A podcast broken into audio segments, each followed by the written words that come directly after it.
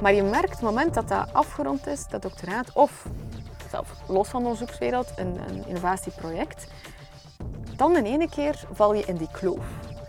En die kloof is het kunnen integreren. Dus daar een brug in bouwen is voor beleidsmakers een belangrijke ding. In my humble opinion.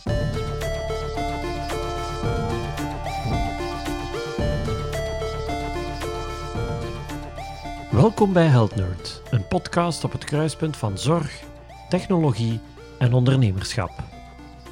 Mijn naam is Tom Raakleers en dit is de Health Nerd Podcast.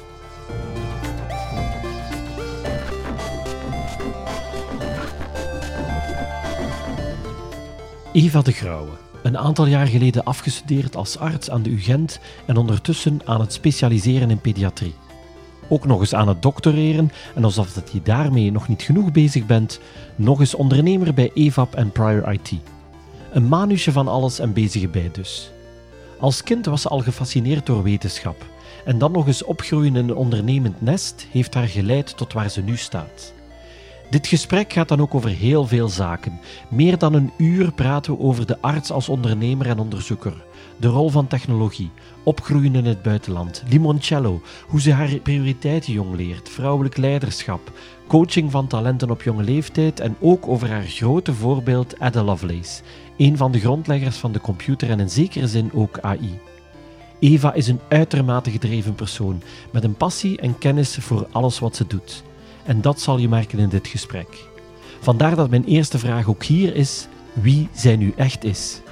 Geniet van deze aflevering van Health Nerd, die met Eva de Grauwe.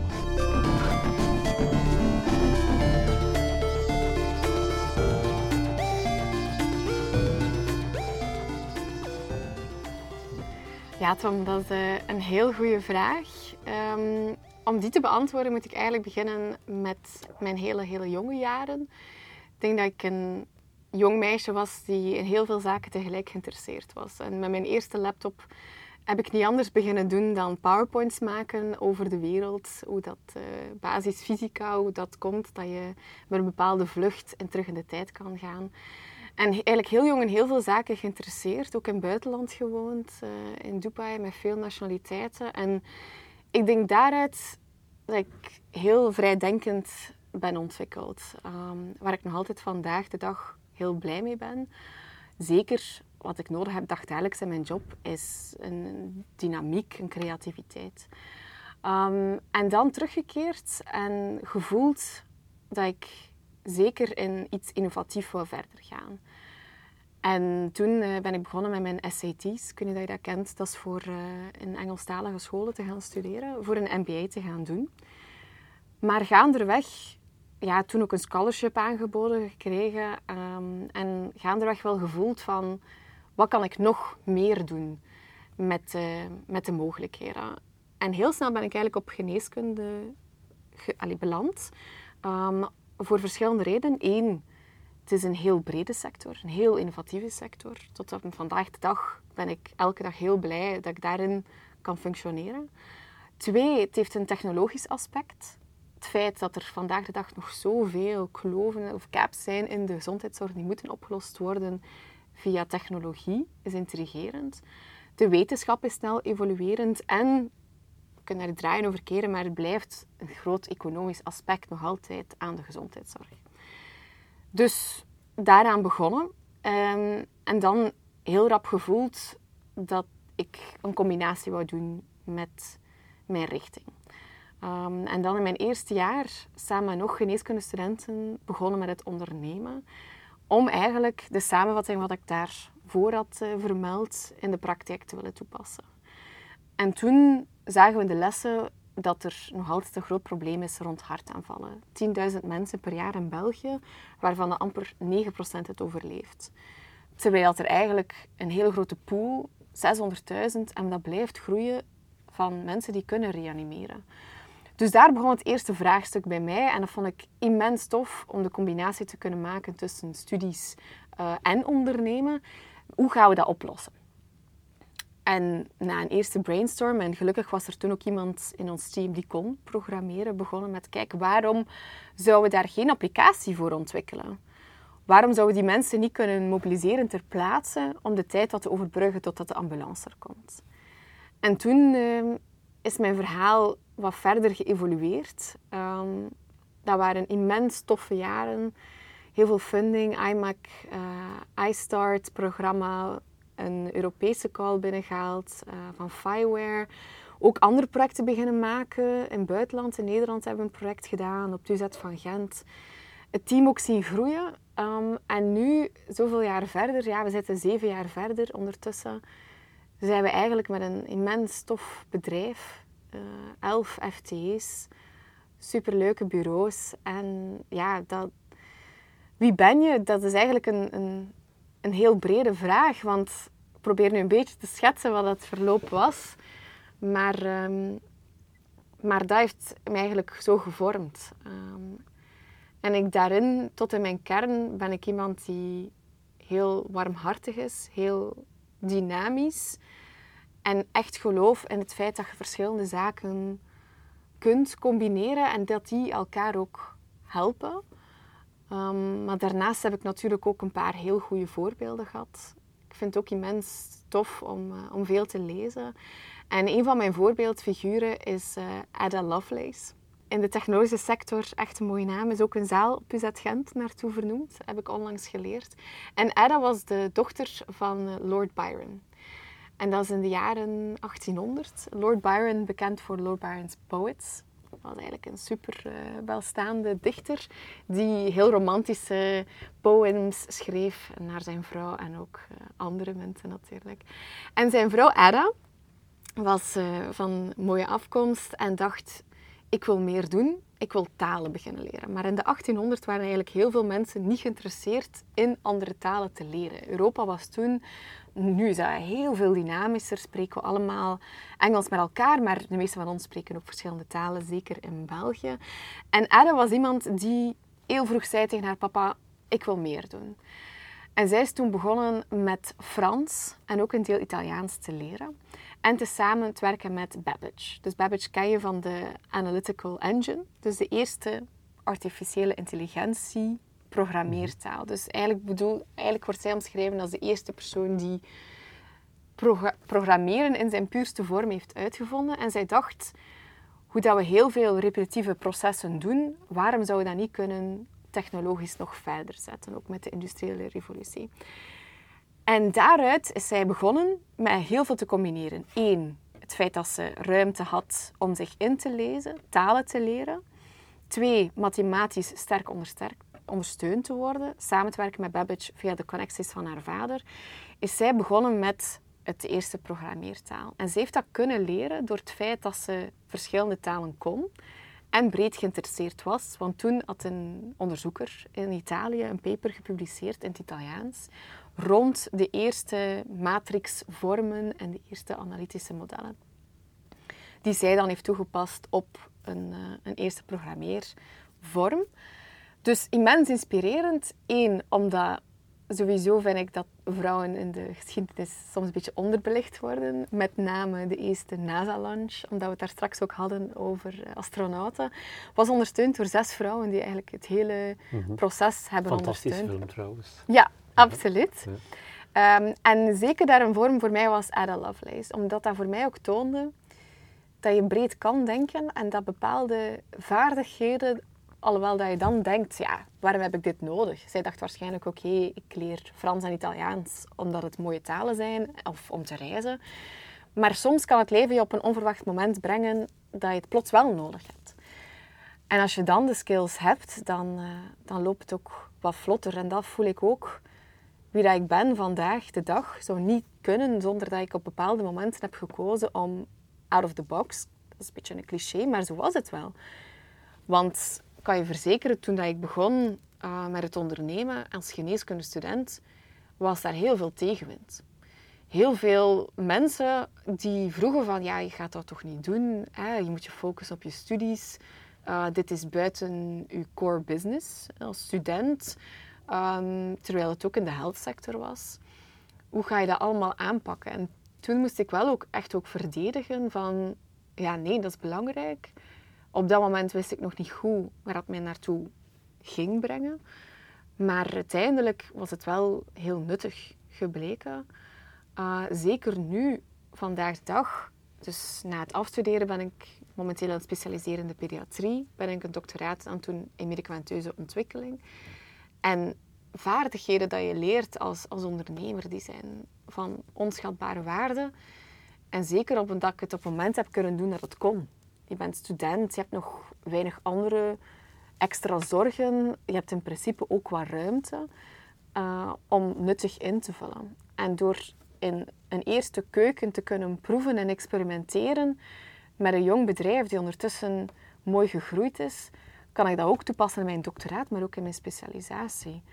Dat zijn skills die je elke dag nodig hebt. Time management, in teamverband werken, planmatig werken, maar ook vooruitstrevend. Um, dat is iets waar dat mensen in mijn omgeving, als ze mij privé kennen, soms van verschieten. Um, als ze mij zien in een privéomgeving versus in een professionele omgeving, ja, dat is een bepaalde switch dat je maakt dat ook nodig is. Ze weten dat ook bij, bij mij in het bedrijf, van zaken moeten echt in orde zijn. Zo halfwerk of, of, of uh, niet alles eruit hebben gehaald of niet 100% de, de offerte kunnen bemachtigen, is no option. Um, je moet dat doen. En ik vind dat enorm tof, binnen mijn doctoraat ook. Dat is in de medicamenteuze ontwikkeling. Werken we in een Europees consortia, IMI-projecten, dat is de Innovative Medicines uh, Initiative, die ondertussen de Innovative Health Initiative is geworden, uiteraard. En daar zoeken ze eigenlijk ook naar oplossingen. Hoe ga je om met real-world data? Zoals het probleem bij medicamenteuze ontwikkelingen bij kinderen is dat 60% is momenteel nog altijd off-label dat is, mensen denken, ja, off-label, maar je hebt er wel toch ervaring mee. Maar dat is een grote valkuil, want eigenlijk van die 60% van medicamenten dat we dagdagelijks gebruiken, is maar 1 op 10 effectief onderzocht geweest of hebben ze enige evidentie van. Dus dat betekent dat je dagdagelijks met producten werkt als arts die in een zone zijn dat je niet goed weet, ben ik hier onder aan het tosseren? Kinderen hebben sowieso meer bijwerkingen. Ehm, dan durf je ook veel minder doen. Dus je zoekt eigenlijk naar handvaten om je daarmee te helpen. Daarbij komt is dat er vandaag de dag heel veel nieuwe therapieën worden ontwikkeld voor zeldzame ziektes, maar dat er eigenlijk nog een grote gap is tussen wat we al weten over die zeldzame ziektes. En Europa is daar immens beginnen aan het investeren. Uh, het European Joint Program of Rare Diseases, de ERN's, de Europese Research Network in binnen rare diseases. En alle zeldzame ziekten hebben eigenlijk een component 60% pediatrie. Nu, waarom is dat belangrijk voor wie dat ik ben? Eén, het is iets maatschappelijk. Het is iets dat je, dat je niet gewoon... Um, de kind aan zich kun je nooit alleen omschrijven. Je moet altijd de context ervan ook meenemen. Dat vind ik immens integrerend. Het is een warmhartige specialisatie. Maar je hebt er ook een bepaalde technologie voor nodig. Je kan niet iets betekenen voor je patiënten zonder ook het op een bepaalde manier te brengen door hand van bijvoorbeeld cartoons, uh, infomercials um, en zo verder. En ook hoe ga je om met al die data van al die patiënten in een veilige omgeving. Daar heb je bepaalde kennis van machine learning voor nodig. Daar moet je ook kunnen connecteren met technologische partners. En dat voel ik dagdagelijks dat dat een immense meerwaarde is om die skills en, en ook die, dat netwerk te hebben en gewoon te kunnen zeggen, contacteer gerust Prior IT, ons bedrijf. We gaan daar een project manager op zetten en dat lukt. Je zit er dichtbij, je kan bijsturen. Je ziet het in ontwikkelingsfase gaan en je ziet het naar je patiënten gaan. En dat geeft heel veel voldoening. Um, een ander voorbeeld is ons EVA-project. Dus dat was voor hartaanvallen, of dat is voor hartaanvallen, pilootproject in Antwerpen, waarbij dat we kijken wie dat er in de buurt kan reanimeren en die persoon ter plaatse brengen om met de reanimatie te starten. Daar is ook nog een vervolgproject in gekomen met AED ehm, Hunter, ook via de overheid. Um, maar het moment dat je voelt dat een technologische oplossing dat jij mee hebt helpen ontwikkelen, tot een repatriëring of, of een interventie is geleid waarbij dat iemand rapper is kunnen geholpen worden, is een super, super gevoel. En dat hoop ik ook voor de mensen die dit luisteren, om geïnspireerd te geraken daardoor van als je zin hebt om, om iets te innoveren, doe het. Wacht er zeker niet mee. Durf ook out of the box. Als je denkt, ja, dat is eigenlijk niet mijn sector, dat maakt weinig uit. Durf ook in andere sectoren binnen te treden, want het heeft allemaal wel connectie met elkaar. En je ziet het effect op maatschappij. Dat is ook een kernwaarde dat we, dat we binnen het bedrijf ook proberen na te streven. Wij gaan nooit gaan voor de grootste winsten. Wij kunnen perfect producten licensen voor heel veel meer budgetten, maar at the end of the day willen we dat niet. We willen een bepaalde visie nastreven dat we genoeg kunnen groeien, uiteraard, maar dat we zaken kunnen aanbieden die impact hebben op levens. En dat we daar niet willen het maximale economische profit, maar die balans mooi bewaren tussen een maatschappelijke added value en ook ethisch relevante applicaties op de markt zetten. We hebben ondertussen ook andere ja, projecten nu lopende, wachtsystemen via machine learning, management, heel toffe projecten. Maar we bekijken er echt heel nauwgezet op, ook door het feit dat natuurlijk door artsen wordt geleid, dat het ethisch en uh, pragmatisch genoeg is dat het relevant wordt voor de gezondheidszorg. Dus dat blijft een heel belangrijke bij het innoveren in de gezondheidszorg. Daar streef ik persoonlijk enorm naar. En ik heb het geluk om ook omringd te zijn door uh, mijn medevenoten die dat ook heel belangrijk vinden.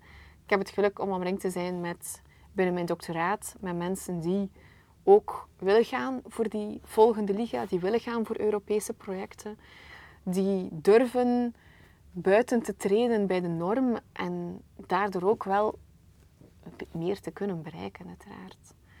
Dus heel tof, um, maar we zijn er nog lang niet. Ik loop al een beetje voor op je volgende vraag, natuurlijk. Dat is geen probleem, ik laat u gewoon vertellen. Dus, uh, ik wil wel op een paar zaken ja. inzoomen die, die je aangehaald Absoluut. hebt. Um, een van de zaken die je zegt is, ja, ik, ik, ik doe een beetje van alles. Hè. Eh, je bent arts, je bent ondernemer, je bent onderzoeker. Zijn er voor jou zaken die daar uitspringen? Ben je in eerste instantie arts of ben je in eerste instantie ondernemer die ook arts is? Of ben je onderzoeker? Wat springt er voor jou uit? Voor mij is absoluut 100% eerste plaats ben ik arts. Ik denk dat dat mijn vertrekpunt ook is voor alle initiatieven die ik opneem. Waarom? Ten eerste, je moet het met een bepaalde finaliteit. Voor mij heeft het geen zin om projecten op te starten, onderzoeksprojecten, uh, bepaalde nieuwe applicaties dat we ontwikkelen, of zelfs een hobby, als ik niet onmiddellijk zie welke finaliteit het kan helpen. En die finaliteit is de patiënt. Ik denk dat dat ook het logischste is om het rond te kaderen. Anders denk ik dat je connectie durft te verliezen met, uh, met de kernwaarden. Dus dat is voor mij het allerbelangrijkste. En om die patiënt ook de vraag terug te stellen van hoe werkt het? Uh, we gaan ook bijvoorbeeld met EVAP in, in connectie met de vrijwilligers. Van hoe loopt dit? User-friendliness, heel belangrijk. Um, en daaruit verder. Maar in tweede plaats ben ik uiteraard ook ondernemer en researcher. Voor mij Alhoewel dat heel veel mensen dat twee heel gescheiden dingen vinden, merk ik dat daar veel samenhang rond is. Je moet iets willen realiseren, je hebt een bepaalde hypothese en die wil je uitvoeren en uittesten in de praktijk. En dat is exact dezelfde flowchart dat je volgt als je een applicatie ontwikkelt, met een paar nuances. Maar als je start van het perspectief, je bent arts, dus je hebt een hoofdtaak om iets die de mens niet schaadt, maar iets bijbrengt, te ontwikkelen. Of dat dat nu met onderzoeksfunding is of via privé of ehm, via bedrijffunding. Dat is voor mij niet groot verschil. Wat ik wel heb gemerkt doorheen de jaren dat er in België vaak een vraag wordt gesteld is... Ja, maar je moet er één van kiezen. Uh, zeker als student werd vaak de vraag gesteld van... Ja, ben je nu geneeskundestudent die arts gaat worden, of ben je nu ondernemer die verder CEO gaat doorstreven en daaruit gaat vloeien? Dat vind ik soms een jammer. Ik vind het mooi dat je het hebt geformuleerd van wat ben je in de eerste plaats.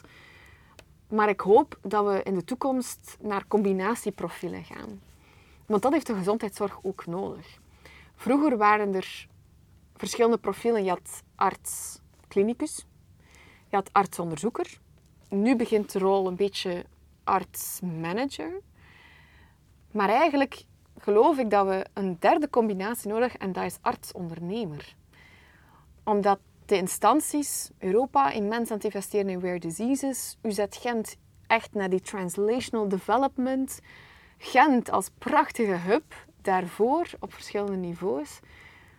Die hebben combinatieprofielen nodig. Dus ik kan nu wel zeggen, ik ben daar in eerste plaats. Maar eigenlijk komt daar nog een staartje aan dat ik vind dat we naar nieuwere modellen moeten streven, dat we daarin moeten veranderen. Dat we mensen ook opleiden in niet puur clinicus stricto sensu, maar ook verder te durven denken en groeien. Alhoewel dat je qua activiteiten misschien nog altijd 100% in de kliniek staat.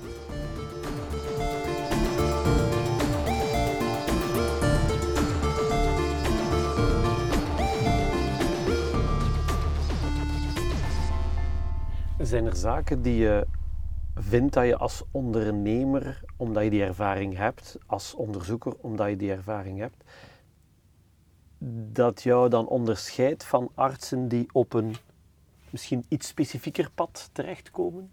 Arts-specialist en het klassieke, quote-unquote, uh, kanaal ingaan? Absoluut. Um, is daarmee dat ik het echt kan aanraden om in de, vanaf de studententijd al te beginnen proeven van andere sectoren. Je voelt dat op bepaalde niveaus. Het eerste niveau is uw dagdagelijkse taak. Ik denk door het feit dat het bij mij heel vroeg heel veel tegelijkertijd was, dus time management, de manier waar dat je omgaat met een bepaalde polydag bijvoorbeeld, is dan automatisch ook anders. Het moment dat je dan met je patiënt, ik heb ook heel hard moeten leren om heel present te zijn, om na te denken, oké, dit is het enige dat nu telt voelen de patiënten ook dat er op een andere manier met hen wordt omgegaan. En dat heeft zelf helemaal buiten het, het aspect onderzoeker of ondernemer, maar dat gaat gewoon naar uw één op één connectie met uw patiënt. Echt met de filosofie, nu is dit het enigste wat er telt. Um, een tweede niveau is het feit waar dat je kennis over hebt. En ook durft daar rond op te zoeken en zaken dat je hoort. Um, Bijvoorbeeld als je een patiënt hebt met een bepaalde vraag, ook al is die niet onmiddellijk medisch gericht, kan je die ook gemakkelijker de context rond schetsen. Een concreet voorbeeld bijvoorbeeld is um, bij diabetes, monitoring systemen. Door het feit dat je van vele huizen thuis bent, kan je ook de evolutie daar rond ook schetsen. Patiënten vinden dat ook heel belangrijk om te weten waar gaat het naartoe en wat is nu het nut daarvan of een nieuw medicament, wat zijn de mogelijkste bijwerkingen en wat is de redenering erachter? Zijn aspecten dat voor hun belangrijk is. Ze stellen daar ook veel vragen over. En doordat dat vragen zijn dat je voor jezelf ook hebt gesteld tijdens het onderzoeksproces of een applicatie ontwikkelen, denk aan de glucose systemen, zijn dat zaken dat je op voorhand al over hebt nagedacht en een inherent interesse voor hebt. Dus gigantische added value. Daarnaast ook, en dat is het derde niveau, als een patiënt naar jou met een bepaalde vraag komt dat je nog niet hebt over nagedacht. Pas op, mensen worden mondiger, maar mensen zijn ook heel pinter. Durven ook kritisch de behandelingskeuzes in vraag te stellen. Dan is het ook een leuke innovatieve bron om uit die vragen bestaande projecten of nieuwe projecten in gang te zetten. Dus het heeft een bepaalde wisselwerking. Vandaar het combinatietraject is immens belangrijk. Ik denk dat ik in geen enkele fase wil komen dat ik niet nog met patiënten in contact kom. En dat is iets dat heel veel jonge ondernemers in de gezondheidszorg niet de, de luxe of de visie toe hebben, terwijl ik dat wel sterk kan aanraden. Daarnaast, en dat is dan het vierde niveau, is dat je er dan effectief ook mee kunt doen. En veel kunt doen. Bijvoorbeeld ja, mensen kennen mij vaak binnen een bepaalde context. Hè. Of dat in de context is van Prior IT, het ICT-bedrijf, het, uh, het doctoraatsonderzoekersbestaan of de specialisatie. Maar je merkt dat die werelden steeds meer beginnen verwoven worden in elkaar. wat ik daar straks ook op alludeerde. Een concreet voorbeeld is, bij medicamenteuze ontwikkeling, wat is een groot probleem, is dat je de kinderen niet kunt includeren in een bepaalde klinische studie. Wat het veel interessanter maakt om heel de context van het kind te kunnen verstaan, ouders, school, maakt het ook moeilijker. Ze hebben nood aan nieuwe uitlegvormen, uh, gamification via video, via stepwise animation. Die hebben daar nood aan. Waar stoten artsen vaak op, is dat ze dat willen, maar dan niet het zelfstandig onderzoeken, de aspect hebben om een, bijvoorbeeld een, een, game voor kinderen op te leiden hoe dat ze medicatie moeten toedienen of hoe dat een clinical trial werkt, in de praktijk te kunnen toepassen, meten en valoriseren. Maar ze missen dan ook het aspect om zo'n iets te ontwikkelen. Dat betekent niet dat je alles zelf moet doen. Ik ben al trots dat ik één zomer Python heb geleerd en dat ik iets wat mee ben bij architecture van applications. maar je kan niet alles doen. Maar het is wel soms fijn en nodig dat je de interessevelden zelf uitbreekt. Zoals Ada Lovelace.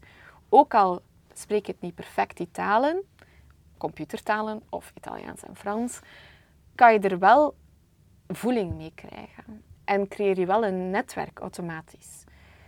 Zoals bijvoorbeeld als wij iets willen ontwikkelen, dat we minder expertise in hebben, dan heb je onmiddellijk het netwerk binnen technologische zorg. Als wij iets willen ontwikkelen waarbij dat we een onderzoeksproject eraan willen koppelen, zo hebben we er nog een paar lopende, dan kennen we het Flyo-traject, dan kennen we andere mogelijkheden. Worden we ook gevraagd door bijvoorbeeld op Europees niveau, we willen we hebben een, bijvoorbeeld met big data, we willen dat kunnen omzetten, maar we zoeken daar nog een technologische partner voor nodig. Kan je gewoon gemakkelijk schalen. Je hoeft niet alles te hebben, maar ik kan echt iedereen aanraden om buiten hun boundaries te treden.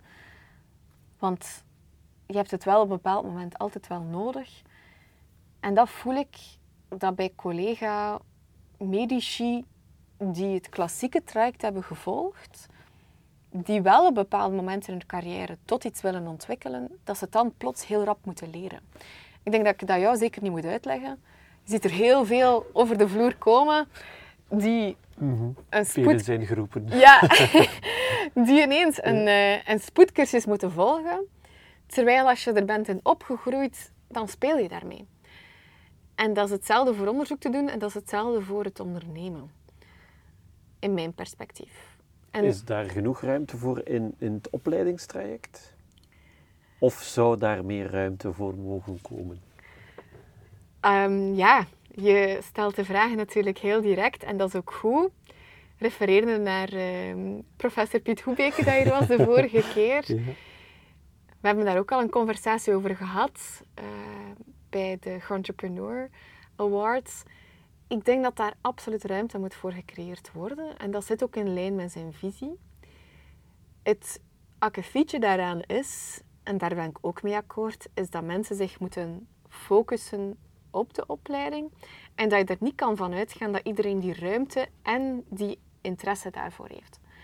Dus ja, is dat een opportuniteit om in te bouwen? Absoluut. Dat begint nu meer en meer te komen ook. Je ziet meer artsondernemers die worden gevormd, zeker in Gent, zeker ook met het studentondernemersstatuut. Dus geweldige omgeving.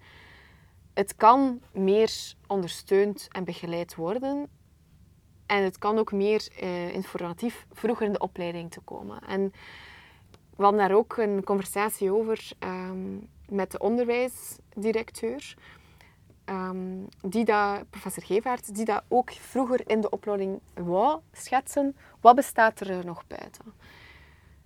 Wat hij voor mij daarin een valkuil, een sterkte, zoals ik zei bij het voorgaande, dat je daar versatielere artsen, breder denkende artsen door ontwikkelt en uiteindelijk beter geholpen patiënten. Wat is daarbij een valkuil? Is dat heel veel mensen in de opleiding geneeskunde onder heel veel druk en stress sowieso staan.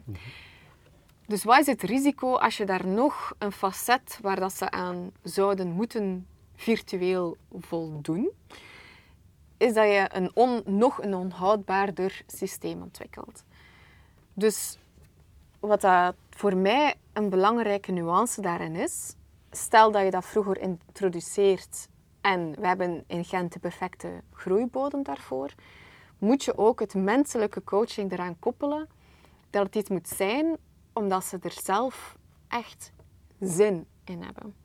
Ze moeten er een interesse voor hebben en het hoeft niet zijn omdat het moet, maar omdat ze er ruimte voor hebben. Wat dat we zien nu, en ik weet niet of dat ehm, professor Hoebeke daarover heeft gealludeerd, is dat je heel veel nieuwe kanalen hebt die ontwikkeld worden. Denk maar aan Incision en Chimes, binnen de chirurgie bijvoorbeeld. Studenten worden onder druk gesteld om al publicaties te schrijven in de opleiding. Wat ik altijd meegeef is, je leert daar heel veel uit van metaskills. Dat je te goed gaan komen wat je ook doet daarna. Maar doe het omdat je er zelf zin in hebt. Doe het niet omdat je denkt dat, dat je kansen voor specialisatie gaan verbeteren daardoor. Alles wat ik heb gedaan, want als je terugkomt over wie ben je, ja, ik heb een deel van het traject. Ik heb natuurlijk ook voorzitterschap van Incision gedaan, uh, voorzitterschap van de Belgian Medical Students Association in Gent. Ehm, heel veel andere randprojecten, omdat ik daar echt zin in had en omdat ik vond dat die nuttig waren.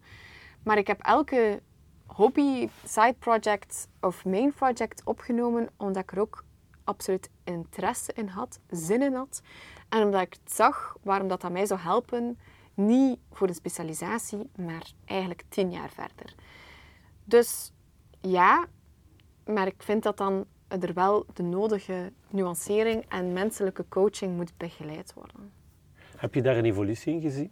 Tussen jouw eerste jaar, waar dat ze zeiden van ondernemen, ben je zeker, wil je dat wel, moet je niet focussen op je studie, versus, ja, je bent op een bepaald moment uh, genomineerd voor de Gentse ondernemer van het jaar daar zit een evolutie in, ga ik dan even vanuit. Absoluut. Ik denk dat je ten eerste in het eerste jaar de context moet zien dat er heel weinig voorbeelden van waren. Je bent, of ik ben al sinds gestart als een beetje de vreemde eend, wat dan zijn voordelen had, omdat dan qua groei nog heel veel mogelijkheden waren, maar ook qua nadeel, omdat je dan voor jezelf ook moet bewijzen dat het kan ik denk dat mijn ouders daar veel rustiger in waren, omdat die ook zelf zelfstandigen zijn. dat helpt wel. Um, maar op het moment dat de omgeving ook voelt dat het beide trajecten naast elkaar lukken, dan ontspant plots iedereen. En als ze zien, ja, het lukt om beide te doen, qua mentaliteit en de richting, is daar wel mooie evoluties in gekomen zijn er mensen die daaruit ook zelf ondernemingszin hebben gecreëerd.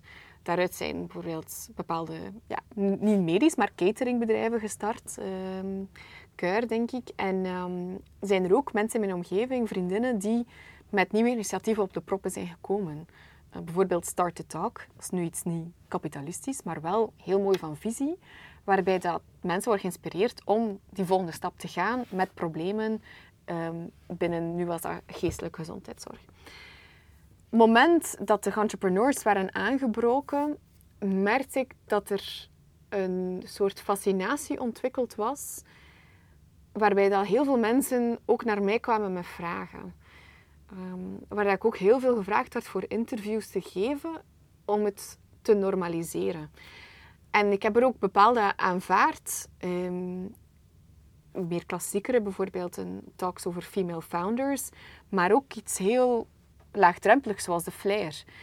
En ik heb daar een issue in meegedaan, ook omdat ik voelde dat dat werd genormaliseerd in onze geneeskunderichting, maar dat daar nog heel veel andere richtingen totaal geen hoor naar hadden. Um, dus door al die activiteiten te doen, hoop ik dat dat ook heeft bijgedragen tot de normalisatie ervan. Um, op vandaag de dag. Dat gezegd zijnde merk ik dat er wel nog veel moet veranderen rond de mentaliteit van ondernemen. En zeker, ook vrouwen die ondernemen. Ik merk dat technologische zorg is nog altijd een gedomineerde mannenwereld. Dat is ook heel vaak niet evident geweest om als vrouw daarin te functioneren. En ook en zijn daar gigantisch mooie interviews ook over in Amerika, rond female management styles. Een vrouwelijke manager begint zich nu meer en meer de mannelijke kenmerken van over te nemen, terwijl er eigenlijk nog weinig bestudeerd is wat die female management vorm is en hoe dat je jonge onderneemsters daarin kunt coachen om zich niet te moeten voordoen aan een mannelijke sterkte, maar eigenlijk om die coherentie te vormen. Bij ons in het bedrijf zijn, allee, ben ik momenteel ook de enigste vrouw, maar ik merk omdat we daar heel vroeg zijn over beginnen babbelen en omdat ik die goede band heb met mijn medevenoten, is dat natuurlijk gegroeid. Wat hoor ik bij andere collega-vrouwen in gelijkaardige sectoren? Dat dat nog niet zo allee, vanzelfsprekend is. Um, en dat geeft wel druk met zich mee. Er zijn daar ook statistieken rond. Bijvoorbeeld meisjes die in het humaniora het beste scoren op wiskunde, hebben een veel lagere kans om door te groeien naar ICT-richtingen of ingenieurrichtingen dan mannen die gestart zijn aan een veel lager punt in het humaniora. Waar zit de nuance dan? Vraag ik mij af. En deels herkenbaar. Eén, omdat je ziet aan groepen die ingenieursrichtingen, programmeerrichtingen, zijn ook mannelijk dominant vandaag de dag. Dus om daar in één keer u te beginnen nestelen is al lastiger. En tweede, coaching zit daar ook anders in. Ik zag dat bij mezelf ook. Ik was um, de eerste van de klas en wiskunde was mijn dada. Ik amuseerde mij rot in. Ik heb nog een eindschrift gemaakt over fractalen. Ik weet niet of je dat kent, maar uh, dat is super interessant. Dat? dat? komt terug in de natuur. Ja. Um, en ook in bepaalde... Eigenlijk is machine learning een vorm van fractalen at large. Dat is oneindig repetitief en steeds meer leren uit wat dat je hebt geleerd. DNA is daar ook een voorbeeld van. Mhm. Dus gestart bij de wiskunde. Maar toen voelde ik al op mijn coaching, is ondanks dat ik heel sterk was in wiskunde, gingen ze mij, hebben ze mij nooit gecoacht voor ICT-richtingen of ingenieurrichtingen. Achteraf gezien, heel blij. Ja, want anders zat je misschien in een totaal andere richting. Ja. Alhoewel. Ja, ik denk dat je nog altijd op punt zijn uitgekomen. Ja, ja. Maar mensen worden daar, of alleszins jonge vrouwen worden daar minder in gecoacht. En moest ik een paar accentpunten leggen voor de volgende tien jaar, omdat er nog zoveel nodig is in de gezondheidszorg. En omdat je hebt de combinatie van beide nodig, zowel voor je patiënt, voor je onderzoeksrichtingen, als ook je ondernemerschap, is daar absoluut nog groei in nodig. Niet alleen profielen, maar ook de coaching daar naartoe. Ben je dan een soort rolmodel tegen wil en dank geworden? Hoe kijk je daar zelf tegenaan? Um, ja, ik denk dat ik niet pretendeer of ambieer om een rolmodel of in de hedendaagse termen een influencer daarin te worden. Dat zeker Moet geen niet. TikTok-dansjes nee. dat ga ik niet vragen. Nee. Alhoewel, TikTok is... Uh, heel veel mensen... Dat is helemaal iets anders. Maar TikTok heeft super leuke travel reviews, cooking reviews. Um, dus ik kan het wel aanraden. Ik denk dat het idee dat dat enkel voor jonge kinderen is, begint nu wel ook uh, gepasseerd te zijn. Maar dat gaat misschien weer niet leuk zijn voor de kinderen, omdat hun ouders er ook op zitten. Nee, het is dat. Op den duur wordt alles uh, toegankelijk. Ja, hè? Maar de grapje dat ik maak met de collega's soms is dat, dat TikTok is die voor de kinderen is en niet TikTok. Nou bon, side note. um, wil ik daarin een rolmodel worden? Dat is zeker niet mijn main ambition wil ik iets betekenen voor de maatschappij en daarin innoveren en vooral projecten doen waar ik zelf in achter sta? Ja. Voel ik dat daar nog meer nood aan is aan instroom van mensen met dezelfde curiositeit, interesse, drive? Ook ja. Dus het is zeker niet voor een bepaalde rol op te nemen, maar meer omdat ik wil mijn steentje ook bijdragen om dat verder te normaliseren. Dat die voorbeelden er bestaan en dat dat gaat. Om op jouw vraag terug te komen, hoe was aan het begin van de richting? Dat was zeer frustrerend. Iedereen vroeg aan mij, ja, wat is het nu? Ook in de stages vermeed ik om te babbelen over het feit dat ik ook een technologisch bedrijf had ernaast. Want ze waren daar nog niet klaar voor. Maar druppelsgewijs begint dat courant te worden, erkend te worden. Beginnen ze daar ook de added value van te zien. En begin er in alle facetten van mijn activiteiten, onderzoeker, arts en ondernemer, die vraag te komen ook van buitenaf. Vandaar die verwovenheid. En om die verder te stimuleren, hebben we gewoon meer groei nodig. Dus ja, ik neem dat op. Niet voor mezelf en al zeker niet omdat mijn agenda dat toelaat, maar ik doe het wel omdat het gewoon brood nodig is. Omdat mijn patiënten dat dagelijks ook nodig hebben. Je kunt niet alles doen, je kunt zeker niet alles tegelijk doen, maar van veel te proeven en ook andere mensen te inspireren en te stimuleren, bereik je veel meer. En dat is belangrijk in mijn verbindenis met mijn patiënten. Shared decision making is daar een voorbeeld van. Dat is belangrijk met mijn collega's in alle drie de groepen, zeg maar. Maar dat is nog veel belangrijker als we de huidige crisissen die op ons afkomen gaan moeten aanpakken. We gaan een stapje bij moeten doen. Ecologisch is daar één vlak van, maar de gezondheidszorg is ook een vervuilende sector en kan ook efficiënter. Dus er is nog werk aan de winkel. Interessant, maar we hebben daar meer mensen op.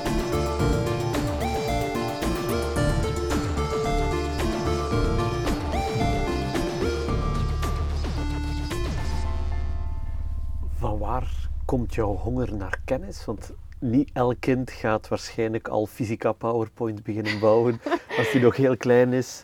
Eh, zit dat in jouw DNA? Is dat inspiratie? Goh, ja. Van waar komt dat?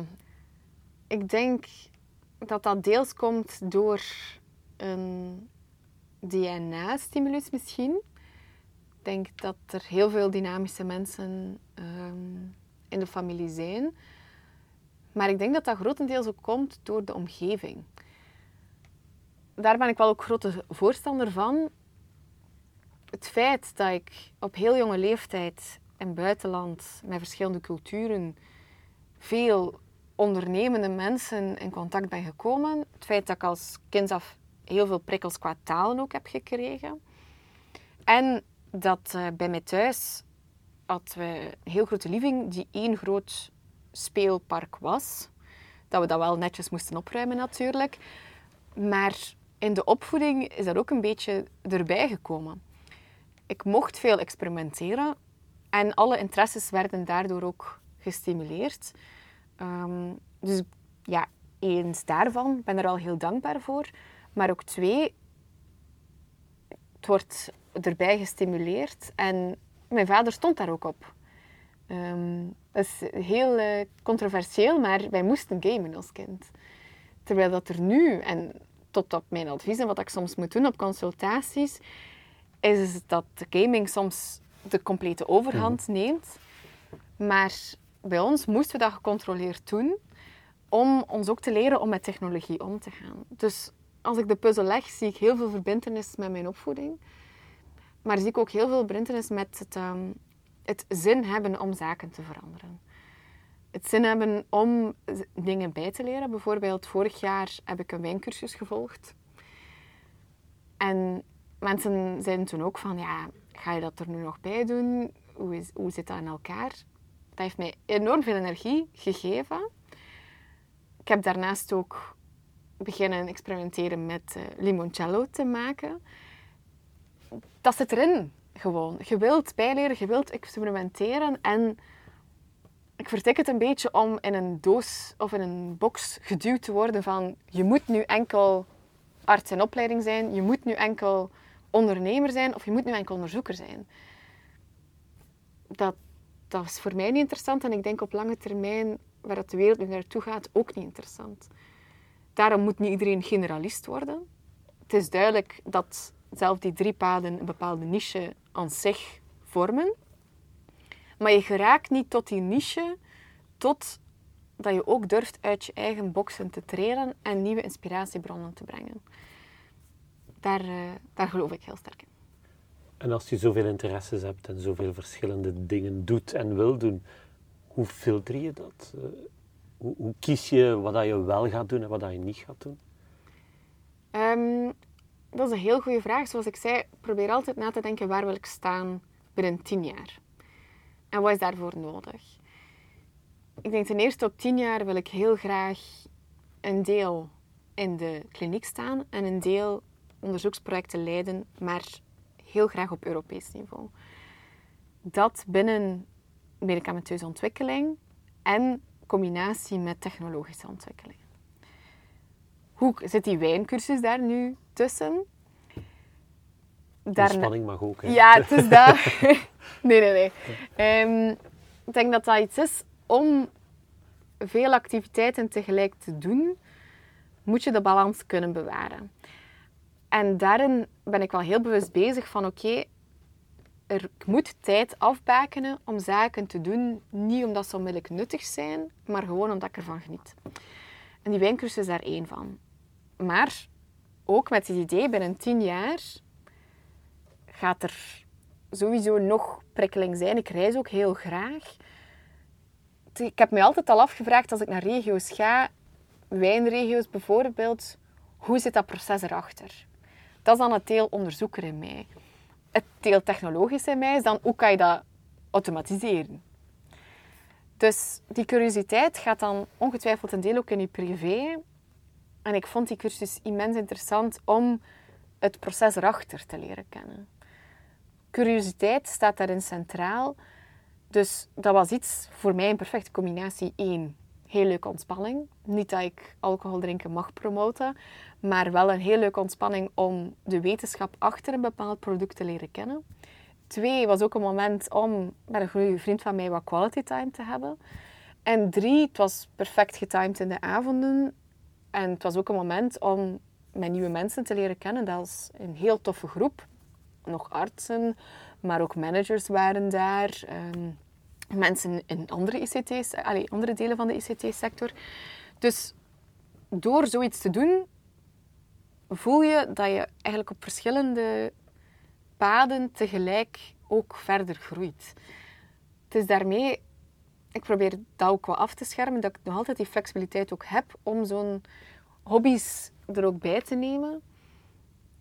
Eén, haalt de energie uit. En twee, zoals ik net heb geïllustreerd, je verschiet er zelf achteraf van, van amai. Eigenlijk heb ik daardoor toch een deel van waar ik wil binnen tien jaar heb verder ondersteund. Maar dat moest ook niet. Want het is er wel bijgekomen. Dus zo probeer ik het wat in te delen. Um, daarnaast, door het feit dat studies ondernemen als eerste combo werd aangeboden, zeg maar, heb ik ook heel vroeg moeten leren van het time management om genoeg ook tijd te hebben voor familie en vrienden. En dat blijft voor mij heel belangrijk. Je kunt niks goed doen voor een ander als je niet goed zorgt voor jezelf. En voor mij is hobby's of, of een cursus daar één van, maar zeker ook heel low-key, keer genieten, een theetje met, met een vriendin of met een familielid, een keer bijbabbelen, is voor mij even belangrijk.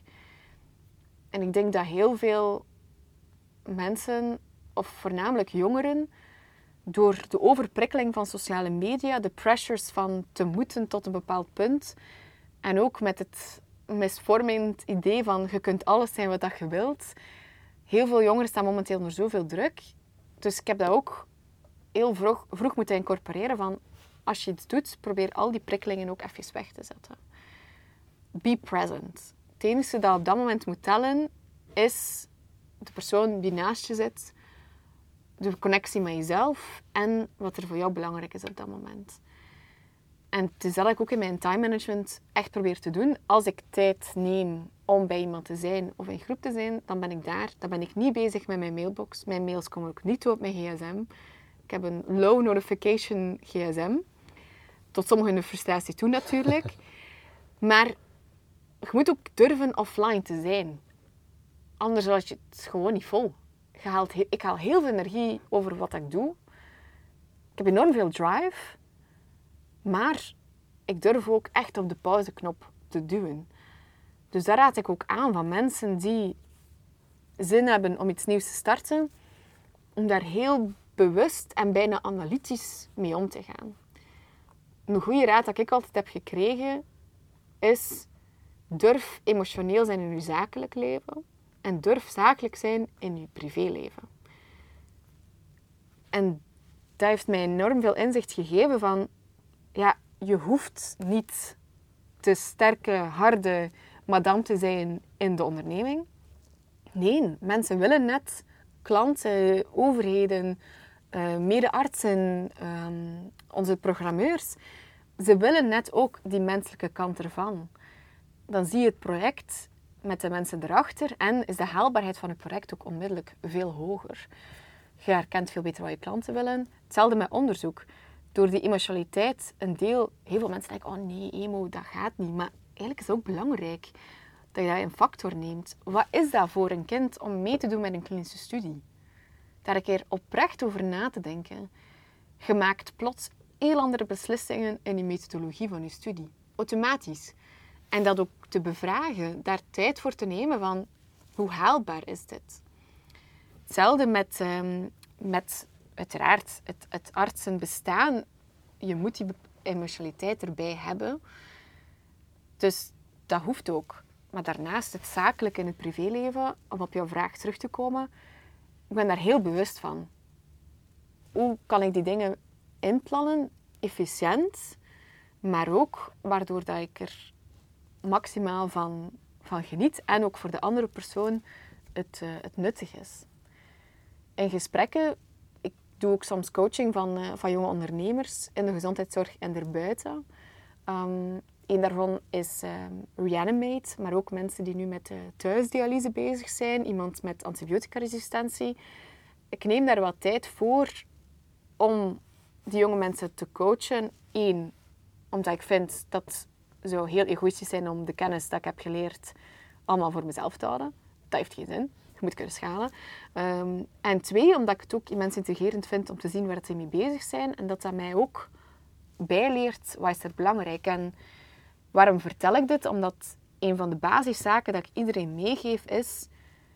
Je kunt niet alles in één keer doen en je moet durven ook deconnecten. Want wat doen heel veel jonge ondernemers, is heel laat beginnen doorwerken, er dag-nachtritme omhalen, alle mails onmiddellijk te willen beantwoorden. Mailattitude is belangrijk. Je moet goed kunnen reageren, zeker met, uh, met klanten. Maar je kunt niet een gesprek heel het afgeleid zijn met de mail die nog binnenkomt. Want hoe dat dan de science erachter werkt, het is daarmee, het is heel leuk als ik erover babbel om te voelen hoeveel hoe dat die drie facetten eigenlijk constant wisselwerking hebben met elkaar. Omdat als je een notificatie krijgt op je gsm, ook al lees je het maar vluchtig, en denk je, ah, ik moet daar niet op antwoorden, ga je toch bewust of onbewust een antwoord beginnen formuleren. Gepland al naar de toekomst. Maar dat is brain time of brain waves dat je op dat moment niet kunt toepassen op het gesprek waar dat je in zit. Dus voor mij compleet inefficiënt.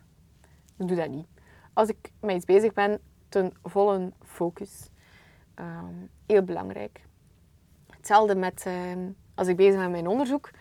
Je moet daar nauwgezet op focussen, want kleine foutjes hebben grote impact. We zijn bezig met medicamenteuze ontwikkeling. Dat zijn dosisadviezen. Dat zijn ook gewoon ja, belangrijke adviezen van wat er gebeurd wordt op heel veel meer kinderen uiteindelijk. Als je dat niet nauwgezet gefocust doet, is je eindpunt ook verstoord. En dat is hetzelfde met in een consultatie en dat is hetzelfde met een, uh, een project strategisch uitdenken binnen een onderneming. Dus je voelt het, als ik erover bezig ben, ik kan daar uren over bijbabbelen, omdat het zo schoon is om te zien hoe dat die werelden samenkomen en hoeveel dat je er als persoon, maar ook als met je activiteiten daaruit groeien. Dat kan ik sterk aanbevelen.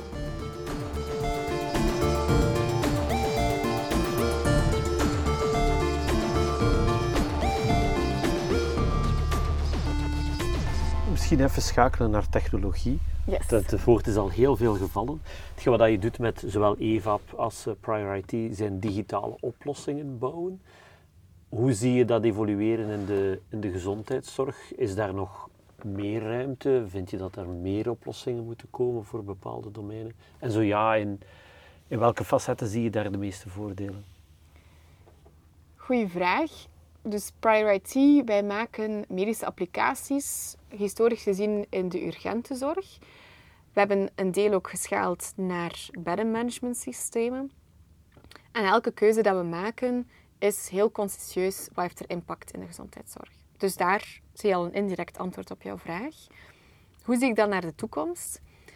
Waar dat we initieel gestart zijn met een immens ambitieus proces via overheidsgebonden, merk ik dat de overheid daar meer en meer begint ook in mee te zijn. Dus de valorisatie van bestaande applicaties op nationaal en internationaal niveau is aan het versnellen en gaat ook verder versnellen.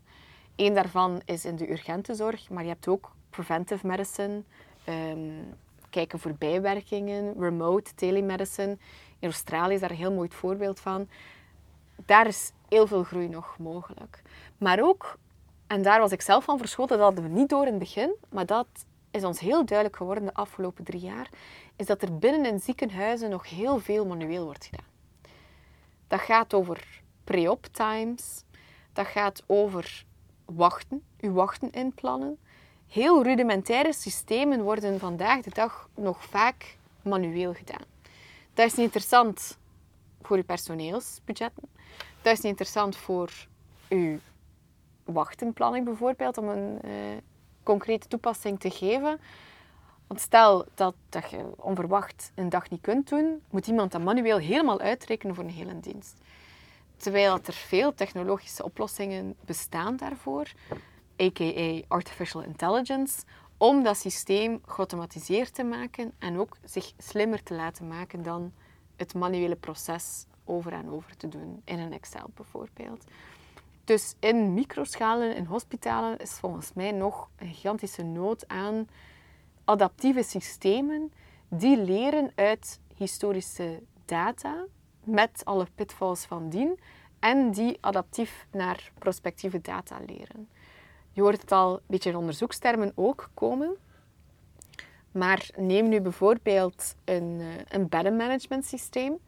Eigenlijk weten we al heel goed als patiënten zich aanmelden op spoed met een bepaalde klacht, hoe dat die verder verloop zou kunnen zijn. Je hebt daar onderzoeksprojecten lokaal in geweest, wij zijn daar ook mee bezig. Maar je moet eigenlijk durven verder denken van oké, hoe zouden we dan het zorgsysteem aan zich beter kunnen inzetten? Met andere woorden, als iemand toekomt met een hoestenklacht op spoed, hoe zouden we al kunnen berekenen wat de voorspelde tijd de lichtuur is? Als er complicaties zijn, hoe dat, dat verlengd wordt. Hoe dat niet alleen één hospitaal, maar hospitalen aan zich werken. Om een beslissing te maken heel vroeg in de zorgchain.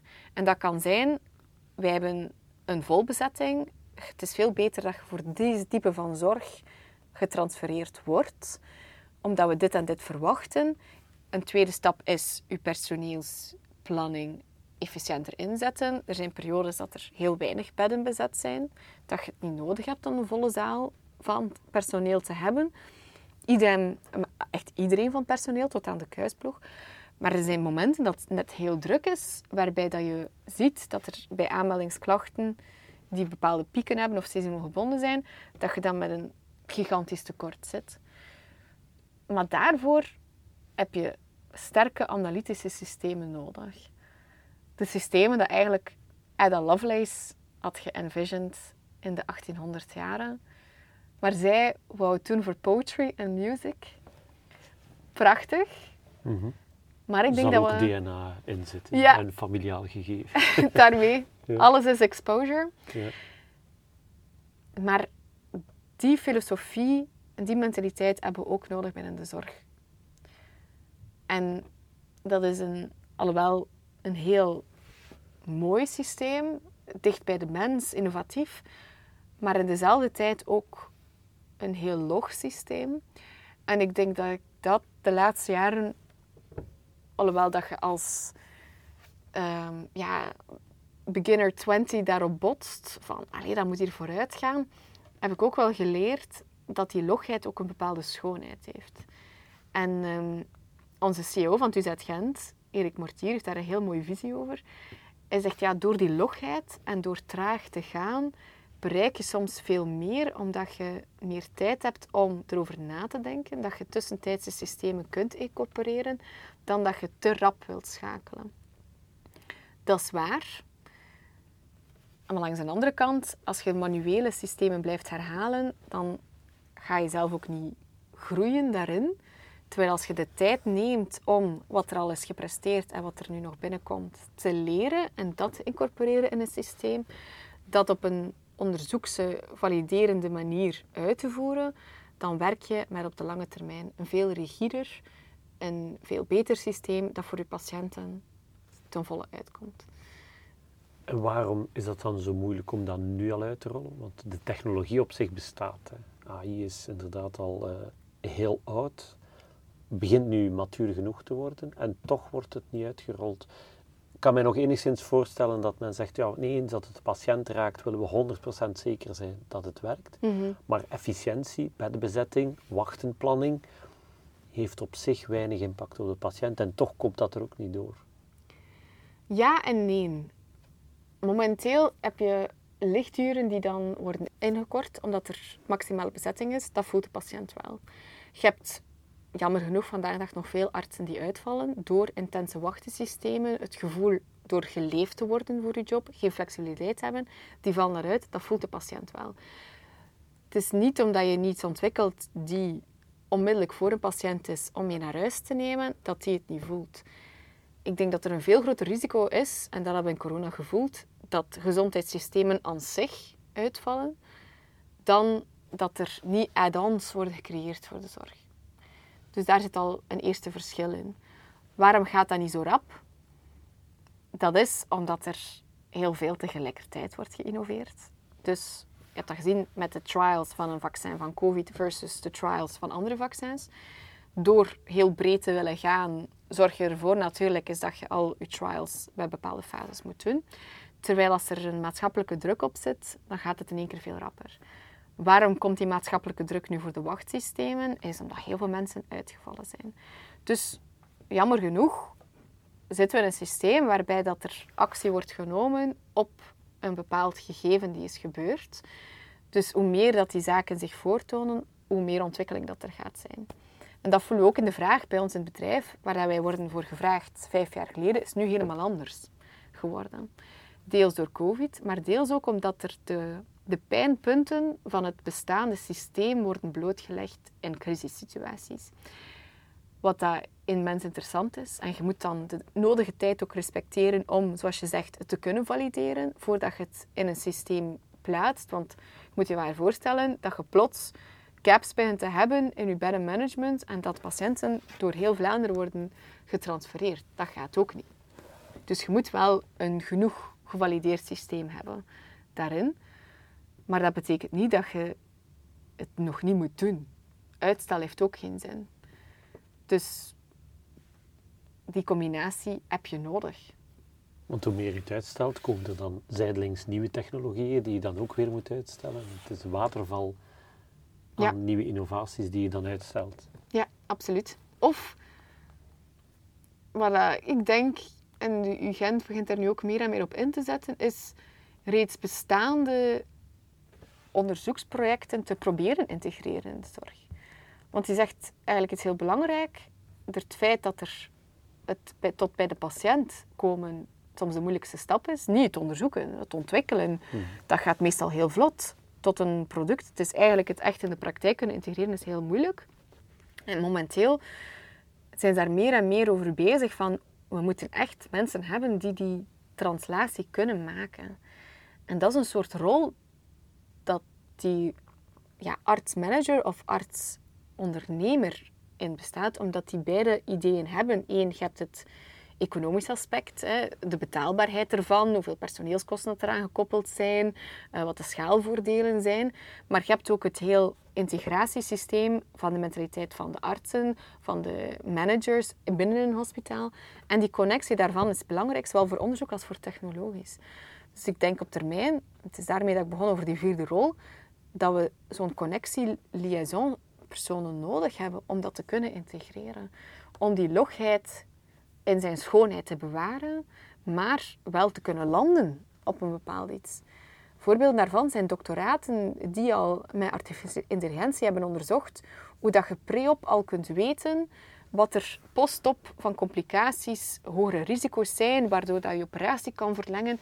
Dus die preventief via machine learning al kunnen aangeven van kijk, voor uw patiënt gaat het belangrijk zijn om dit meer in te stockeren bijvoorbeeld, om die voorzieningen te bewaren, dat je niet alle een minuut iets moet gaan beginnen doen waar je patiënt niet beter statistisch gezien zou kunnen uitkomen.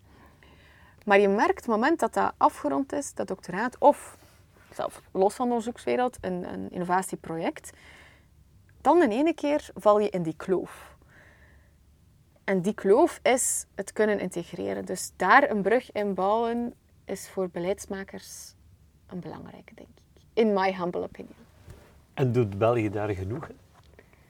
Als, het is natuurlijk complex, hè, want het is België, regio's, gewesten, Mhm. eh, een beetje de complexiteit van heel het systeem. Maar doen we daar als land genoeg in, volgens jou? Of zijn we te braaf? Ja, dat is natuurlijk een, eh, een binaire vraag. Hè? Doen we daar genoeg in? Goh, ja en nee, natuurlijk. Je hebt altijd twee kanten van het verhaal. Zoals ik zei, ik denk dat Gent heel mooie groeibodems heeft ontwikkeld voor innovatie. Ik denk dat het Flyo-agentschap heel mooie zaken aanlevert en support. Ik denk dat er binnenin de UGent, UZ Gent, ja, ik ken natuurlijk heel goed Gent, maar Leuven bijvoorbeeld ook. Hè. Petit Cru voor eh, medicamenteuze ontwikkelingen, uh, Huderf voor neurologische medicatie. Er zijn wel voorbeelden binnen Vlaanderen dat ik voel van geweldig. Vooruitstrevend, onmiddellijk gaan babbelen voor terugbetaling.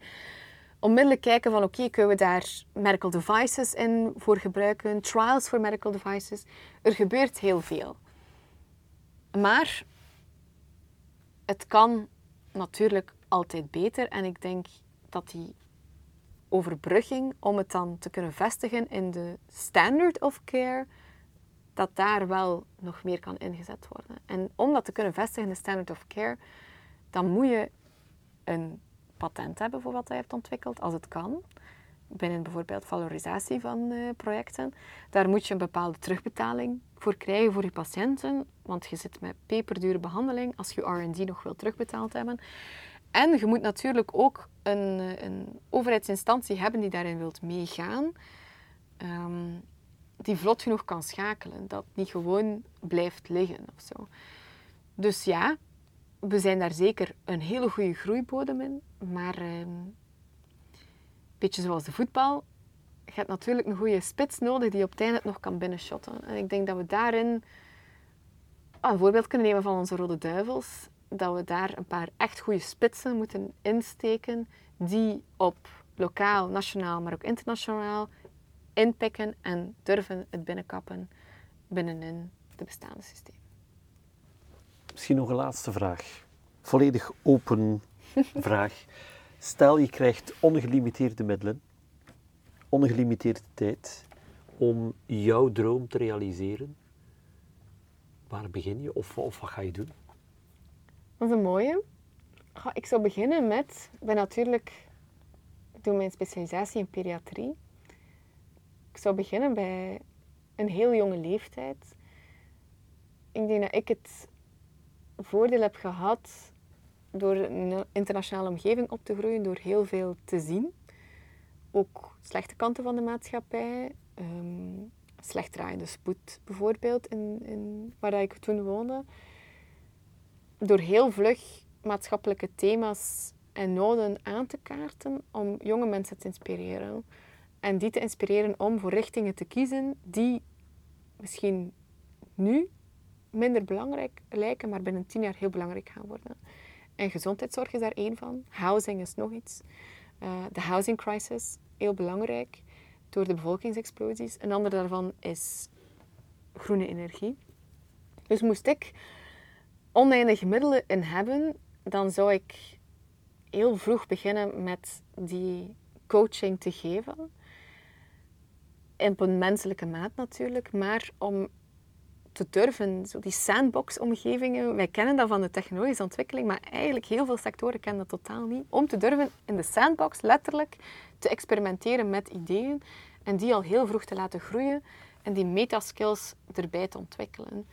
Niet denken van, ik ga die opleiding volgen om die een job te kunnen bereiden, of ik ga die richting volgen om dit erna te kunnen doen. Zo stap per stap, maar echt durven verder te denken in de visie. Specifiek voor digitalisatie zou ik enorm veel meer coachen dat die normalisatie, zoals ik zei, als je nu als 15-jarige 90% met in wiskunde, heb je statistisch minder, allez, heb je minder dan 10% kans om in een richting te gaan die voor de toekomst belangrijk is. Namelijk, ja, ik ben natuurlijk een beetje biased, maar ja, ICT, healthcare, en zoals ik vermeldde, housing en, en climate. Laat ons even focussen op ICT. Dan een jongen met 70% wiskunde. Waarom keer ik terug naar dat voorbeeld? Omdat dat voor mij wel een eye-opener was van... We moeten vroeger coachen. Niet uit een pressure gegeven, maar eerder van het kan. Het normaliseren ervan. En ik denk, als je dan een bredere kijk hebt, zoals dat Ada Lovelace in haar tijd ook een bredere kijk had door te beginnen snuisteren in papers van Italië dat niemand verstond in haar omgeving, ga je een, een groeiendere mind krijgen die ook als ze dan komen in de praktijk rapper die translatie gaat maken en rapper sectoroverschrijdend gaat denken, want daar komt het eigenlijk op neer. Artsen denken vaak in een artsensector, ondernemers in het technologische denken vaak in hun eigen sector, maar eigenlijk hebben we nood aan sectoroverschrijdende minds. Daarom niet de hive minds van, uh, van Elon Musk hè, met zijn uh, West Neuralink. Dat is misschien een stapje te ver. Hive mind thinking is trouwens eerst geïntroduceerd door Babbage, de mentor van Ada Lovelace. Dus je ziet, where does it come from? Maar where do we go next? En ik denk dat dat is wat je wil weten. Where do we go next? Ik denk veel vroeger coachen en stimuleren. En echt te braaf, misschien te, te lineair denkend. Durf breder denken en durf ook van andere sectoren te proeven. Ik ben heel veel aan het vertellen, omdat, om te illustreren hoe breed dat het gegeven is en hoe dat je uit onverwachte hoeken veel bijleert. Bijvoorbeeld, toevallige zaken. Mijn, uh, mijn promotor, professor Sela, die was bezig met darmkankeronderzoek. Heel innovatief, HIPAX, PIPAX, immens interessant. En die had op zijn bureau zo'n boek van aerial engineering. En ik, ik keek van, waarom zit jij aerial engineering te leren? Maar eigenlijk is dat super relevant. En was hij mij eigenlijk aan het leren, wat ik nu vertel, is dat je moet uit je sector breken. Want uit die aerial engineering, door die heel systematisch te werk gaan en heel verfijnde materialen maken, leer je ook hoe dat je bijvoorbeeld voor een HIPAC, die ook een bepaalde constructie nodig heeft, meer letten op die details en leer nieuwe materialen kennen die nuttig kunnen zijn voor je gezondheidssysteem. Een ander voorbeeld daarvan is, um, is de desktop lamp. Ik weet niet of je dat kent, maar het systeem dat je nu werkt, waar alle lampen, de moderne lampen mee werken, is dat dat rap uittrekbaar is en heel rap systeem. Het komt van de auto-industrie. Omdat ze toen met quickly adaptable systemen moesten werken. Dus je ziet, sectors beginnen elkaar te inspireren. Ook de housing, modulair bouwen, heel, ook, komt ook uit de auto-industrie. Dus je hebt ja, sectorverschillende werking nodig. Maar waar dat wij met Prior IT, waar dat wij met onze onderzoekgroep ook willen naartoe streven, is dat je het niet doet uit het economische belang aan zich, maar omdat je het doet omdat het een maatschappelijke en in dit geval een, een healthcare impact heeft. Een ander voorbeeld daarvan is Volvo. Is dat dan niet verwachten, maar Volvo heeft hoe dat wij elke dag in onze auto staan en ons inklikken. Zij hebben het initiële systeem voor het three-click lock van uw auto, uw autobeugel, gedesigned. En die konden daar een patent op nemen. En zij hadden eigenlijk, ik denk dat dat 1950er jaren was. Zij konden dat patenteren en zij konden toen de beslissing maken om te zeggen, kijk, we gaan dat patenteren. Niemand in de auto-industrie gaat dat kunnen doen. En we gaan daar gigantisch rijk door worden, maar we gaan langs dezelfde adem op ons eilandje blijven en we gaan ervoor zorgen dat er nog altijd ook andere auto's worden geproduceerd, maar niet dat three-lock systeem, terwijl dat wel een grote impact heeft op de veiligheid van onze passagiers. En die hebben dat toen beslist, en ik vind dat heel inspirerend. Ze hebben dat integraal gezegd, nee, dat doen we niet. Want het aspect voor levensreddend te werken, ook al zou je denken, bijvoorbeeld, ja, wachtensystemen, dat heeft toch geen impact op de patiënt, maar indirect wel. Net zoals een loksysteem, als je ervoor zorgt dat mensen in een meer secure environment zitten, dan gaat dat wel life-saving werken. Dus die keuzes uit het geschiedenis kunnen ons inspireren en leren hoe dat we bepaalde keuzes nu maken. En één daarvan is Volvo, sectoroverschrijdend en toepasbaar op de gezondheidszorg. Zie je de toekomst positief tegemoet?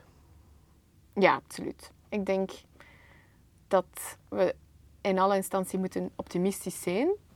Carefully optimistisch. Maar ik probeer dat toch voor mezelf ook na te streven om met een bepaalde positiviteit te gaan. Want uw drive wordt daar ook groter van. En ook kleine succesjes daarin te vieren. Bijvoorbeeld als wij een project hebben die afgerond is of in de onderzoekerswereld een paper die aanvaard is, dan vier ik dat ook effectief, omdat anders wordt het allemaal heel grim. Ik denk als we constant de nieuwszenders zouden opzetten, als we constant in die bubbel zouden geraken van, van actua of van voorbeelden die niet geïntegreerd zijn in de zorg, dan beginnen we in een bubbel, in een, ja, in een, een nauw denken te geraken. Terwijl als je breeddenkend bent en met een positieve mindset, dan loopt je eigen engagementen verder en dan kunnen andere mensen ook oppikken van die positiviteit, waarbij dat ze ook een bepaalde drive krijgen. We zien dat ook bij onze patiënten. We hebben letterlijk geleerd, als we voelen dat er iemand een bepaalde zin zegt die optimistisch is, moeten we daar nog extra op inpikken, omdat we zien dat hun outcome, hun gezondheid outcome daarvoor beter is. Dus dat te leren, denk ik dat ook extrapoleerbaar is, is over dat je naar de toekomst kijkt. Het zijn geen evidente tijden voor niemand. Het zijn ook geen evidente jaren ervoor geweest. Maar we zitten wel met een unicum van talent, van kennis, technologische ontwikkeling, dat we nu wel verder kunnen inzetten. Ervoor gaan. En vooral niet denken van, het gaat toch nooit lukken. Dat proberen we ook na te streven bij ons in het bedrijf. Ik denk dat we lang, want we hebben heel pittige jaren meegemaakt. De combinatie met studeren is niet altijd evident. De combinatie met fulltime werken nog minder. Maar we hebben gezegd, nee, wat we doen is belangrijk. We zien daar een positieve invloed van. Dus daar kijken we naar. Daar streven we naar.